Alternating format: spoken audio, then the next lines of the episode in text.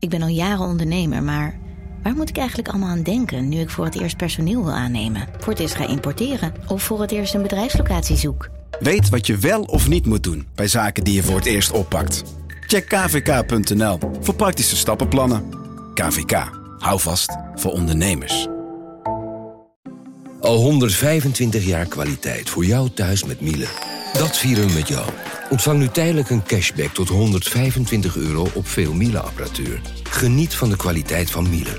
Voor perfect verzorgd wasgoed en kleding die veel langer mooi blijft. Voor een stralend schone vaat, even perfect als jouw diners. En een stofvrij thuis waarin echt hygiënisch schoon de standaard is. Check miele.nl voor alle feestelijke aanbiedingen. Vanaf de redactie van NRC het verhaal van vandaag. Mijn naam is Thomas Rup.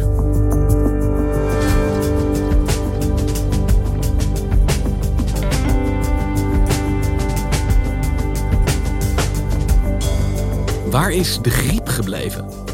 Klinkt als een gekke vraag. Maar terwijl de wereld al maanden strijdt tegen COVID-19, lijkt het ouderwetse griepvirus nagenoeg verdwenen. Het zuidelijk halfrond, dat net een winter achter de rug heeft, is zo'n beetje griepvrij, ziet wetenschapsredacteur Nienke Bijntema. Hoe kan dat? En wat betekent dat nu de dagen hier kouder worden? Voor ons.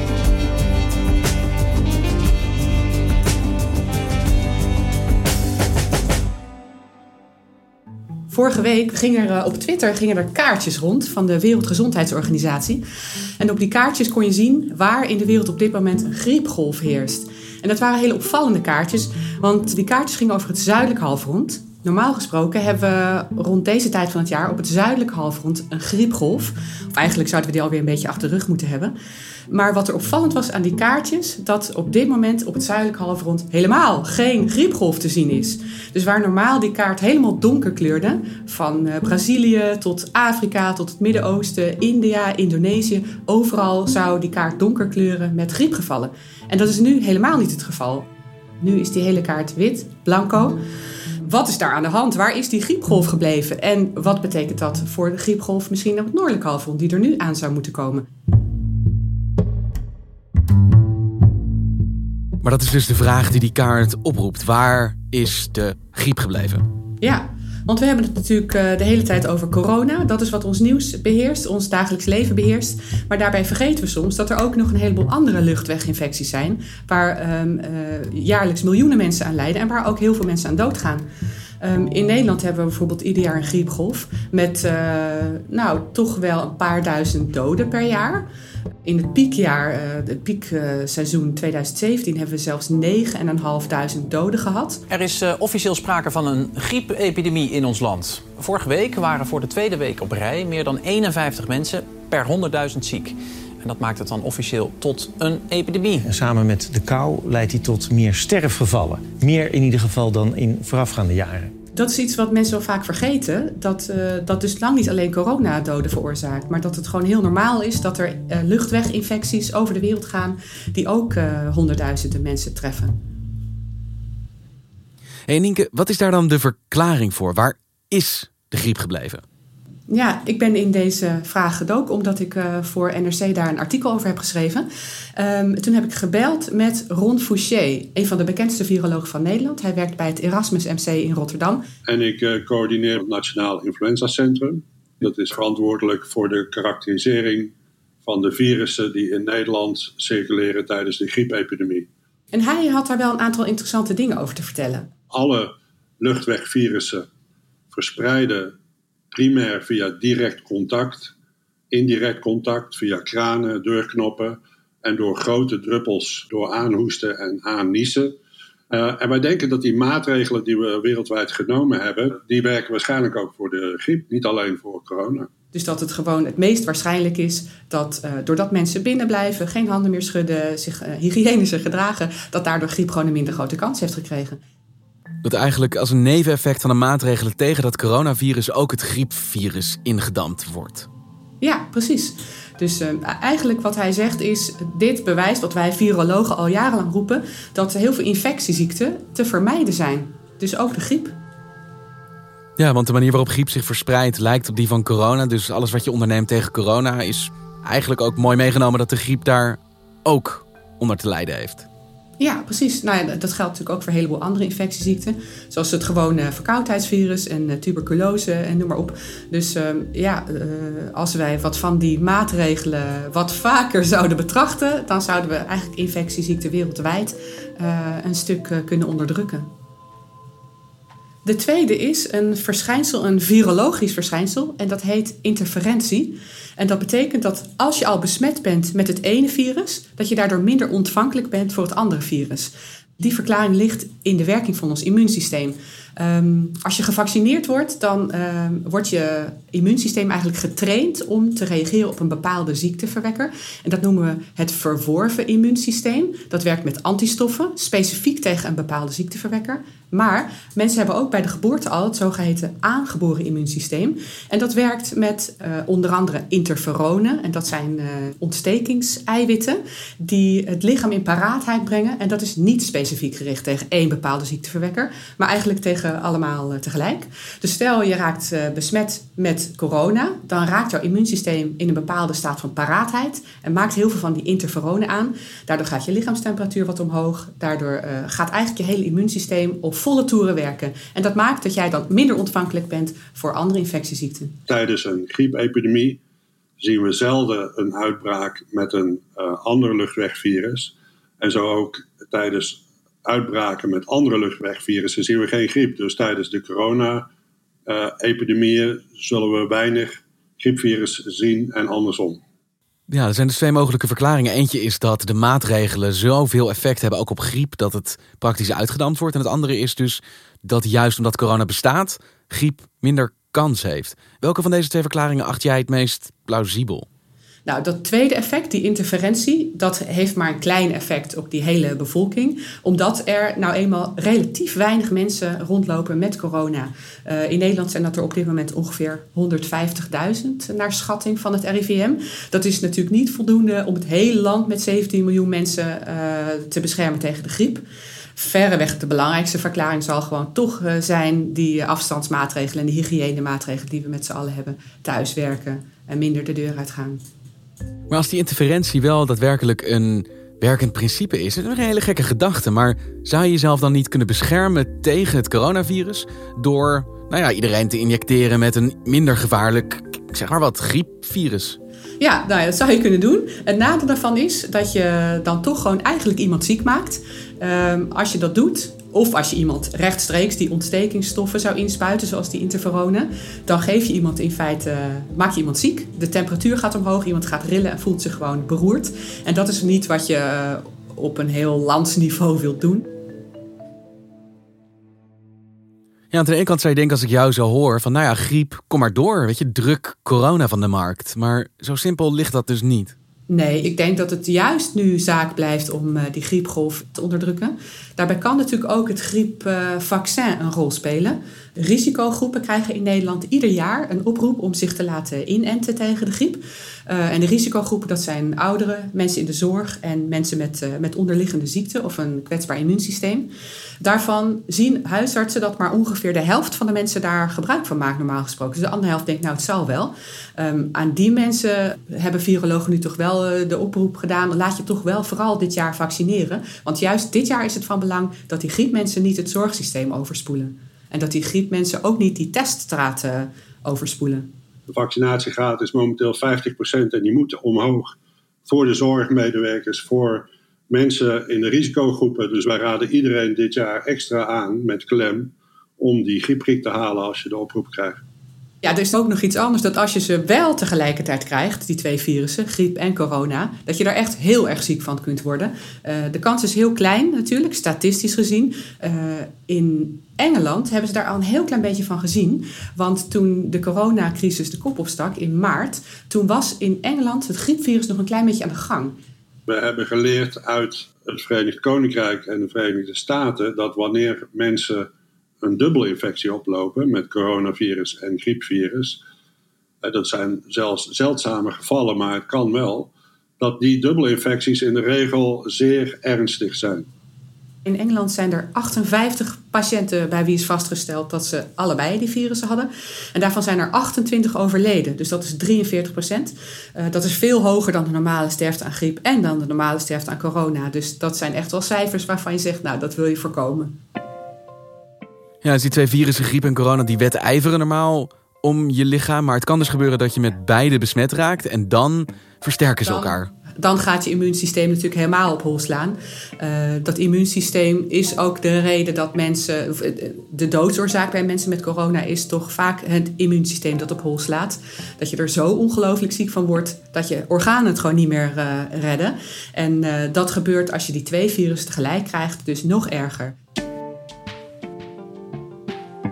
Nou, de griep is een van de meest ernstige luchtweginfecties die wij kennen. Dus iedereen die de griep krijgen is een week ernstig ziek thuis met koorts, uh, spierpijn, uh, et cetera. En in bejaarden en in mensen met een zwak afweersysteem zien we dat daar vaak ziekenhuisopname mee gepaard gaat en ook sterfte. Er heeft een aantal jaar geleden een heel leuk uh, initiatief gelopen in Nederland. En dat heette de Grote Griepmeting. Dat was een, initiatief van een aantal universiteiten. En die uh, hielden een, uh, een, kaart bij. En daar kon jij um, als burger op invullen waar je woont en of je dan griepklachten had, ja of nee. Um, en zo brachten ze dan in kaart hoeveel mensen er in Nederland griep hadden. Hoe lang, hoe heftig. En ook hoe dat zich dan als golf over het land verspreidde. Dat hebben ze, ik geloof, 10, 15 jaar gedaan. Um, en daar kwam uit dat toch ieder jaar zo'n 3 miljoen mensen in Nederland last hebben van griepklachten.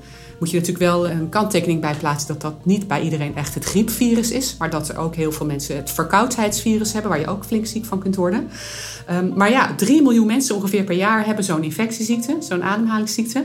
Daarvan gaan er ongeveer 300.000 naar de huisarts en gemiddeld gaan er ongeveer 3000 mensen per jaar aan dood. Heel veel mensen zouden vergeten dat uh, griep eigenlijk ook best een enorm heftig effect heeft in Nederland. Tijdens de epidemie van 2017, 2018 gingen er bijna 10.000 mensen dood in Nederland aan de griep. Dus de griep is niet zomaar een verkoudheidje. Dat wordt inderdaad uh, behoorlijk onderschat. Ze worden echt elk jaar massaal ziek met z'n allen eigenlijk. Ja, ja, vrij massaal. Eh, sommige jaren, zoals afgelopen jaar, hadden we een heel klein griepgolfje, heel kort griepgolfje. Toen zijn er maar 400 mensen aan griep overleden. Maar ja, dat zijn ook toch wel significante getallen. En dat is eh, eigenlijk dezelfde risicogroep als de mensen die nu voor corona een risicogroep zijn. Dus ouderen, mensen met, uh, met een zwakkere gezondheid. Um, we hebben ook altijd dus een, een, paar duizend mensen in Nederland die zo erg ziek worden van de griep dat ze daarvoor naar het ziekenhuis moeten. Dat zijn natuurlijk ook mensen die we op dit moment liever niet in de ziekenhuizen willen hebben. Puur vanwege besmettingsgevaar, maar ook vanwege de overbelasting van de mensen in de zorg. Hey, en je zegt het zuidelijke halfrond, uh, ja, die heeft eigenlijk afgelopen winter geen griep gehad, of bijna geen griep gehad. Kunnen we dat zien als een soort voorspelling voor dat hier zal gaan? Hier begint de winter straks. Betekent dat ook dat wij mogelijk een griepvrij jaar tegemoet gaan? Ja, dat is natuurlijk de hamvraag.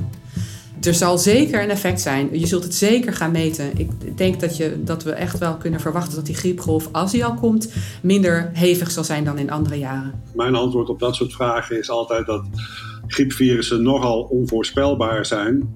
Het is waarschijnlijk dat de, wanneer we de coronamaatregelen goed in acht nemen, dat we hier niet of nauwelijks griep gaan zien. Maar 100% zeker zijn we daarin niet. En daarom gaan wij als Nationaal Influenza Centrum ook gewoon door met de voorbereiding op een griepepidemie als andere jaren. Aan de andere kant is het dan wel zo dat we er rekening mee moeten houden dat we volgend jaar een heviger griepgolf krijgen dan normaal. Want uh, normaal gesproken krijgt een, een persoon, een individu, dus ongeveer één keer in de tien jaar echt flink griep. Uh, dan bouw je opeens een heleboel antistoffen op, waardoor je de jaren daarna minder ontvankelijk bent voor griep. En dat, dat uh, wordt dan langzamerhand weer een beetje afgebroken, zodat je na ongeveer tien jaar weer ontvankelijk bent voor de griep. Als we nu twee jaar op een rij geen griep hebben gehad, dan, dan vergroot je daarmee indirect het, uh, het cohort aan uh, mensen die volgend jaar dan weer wel de griep kunnen krijgen. Dus wij verwachten dat als we dit jaar geen griep krijgen, dat het volgend jaar wat ernstiger zal zijn. Maar dat heeft dan toch de voorkeur boven een uitbraak met corona en griep uh, tegelijkertijd deze winter. En leuk zo'n goed nieuws podcast. Jazeker. Nou ja, ik denk dat het, uh, als je het van, vanuit wetenschappelijk oogpunt bekijkt of vanuit medisch oogpunt, dat het wel echt gewoon heel interessant is wat er gebeurt. En dat we, ja, wat er wereldwijd aan ellende is, toch maar moeten aangrijpen om daar zoveel mogelijk lessen uit te trekken. Um, en ik denk dat we zeker hebben gezien aan de manier waarop we nu dit voorjaar die piek naar beneden hebben gekregen, toch eigenlijk wel redelijk snel en effectief, dat die maatregelen gewoon helpen. En natuurlijk willen we niet um, tot in uh, het oneindige uh, elkaar niet meer kunnen omhelzen en, en met grote groepen in één ruimte zijn. Maar we kunnen er zeker lessen uit trekken. Het is absoluut zo dat verbeterde handhygiëne, uh, verbeterde ventilatie, dat dat soort dingen echt effect hebben.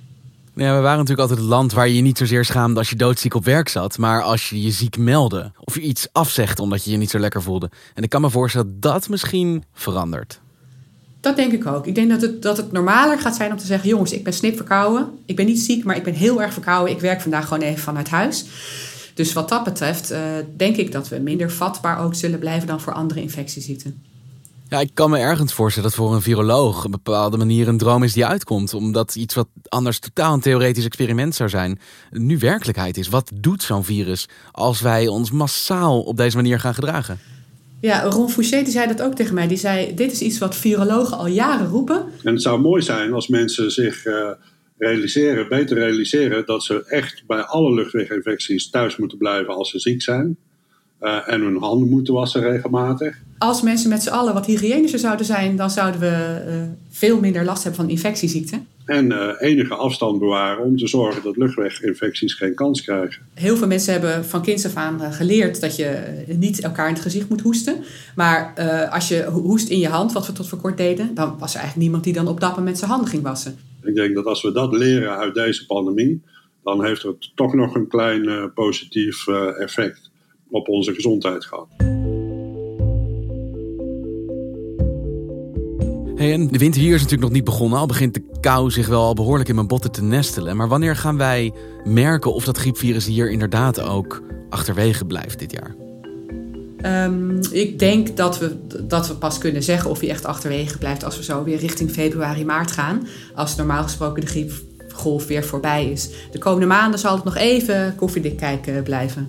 En het is dus ook de wereldkaart in de gaten houden of die inderdaad zo hagelwit blijft als hij nu is.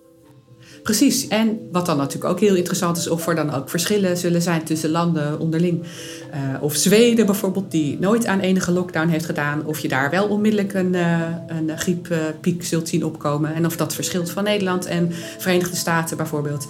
Dus dat uh, wordt wel heel spannend. Ik ben wel heel benieuwd. Dankjewel, Nienke. Graag gedaan. Je luisterde naar vandaag, een podcast van NRC. Eén verhaal, elke dag. Dit was vandaag, maandag weer.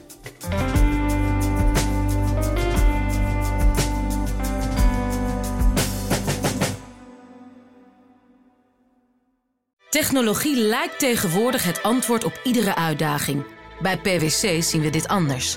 Als we de potentie van technologie willen benutten, kunnen we niet zonder een menselijk perspectief. Human-led, tech-powered noemen we dat. Ga naar pwc.nl.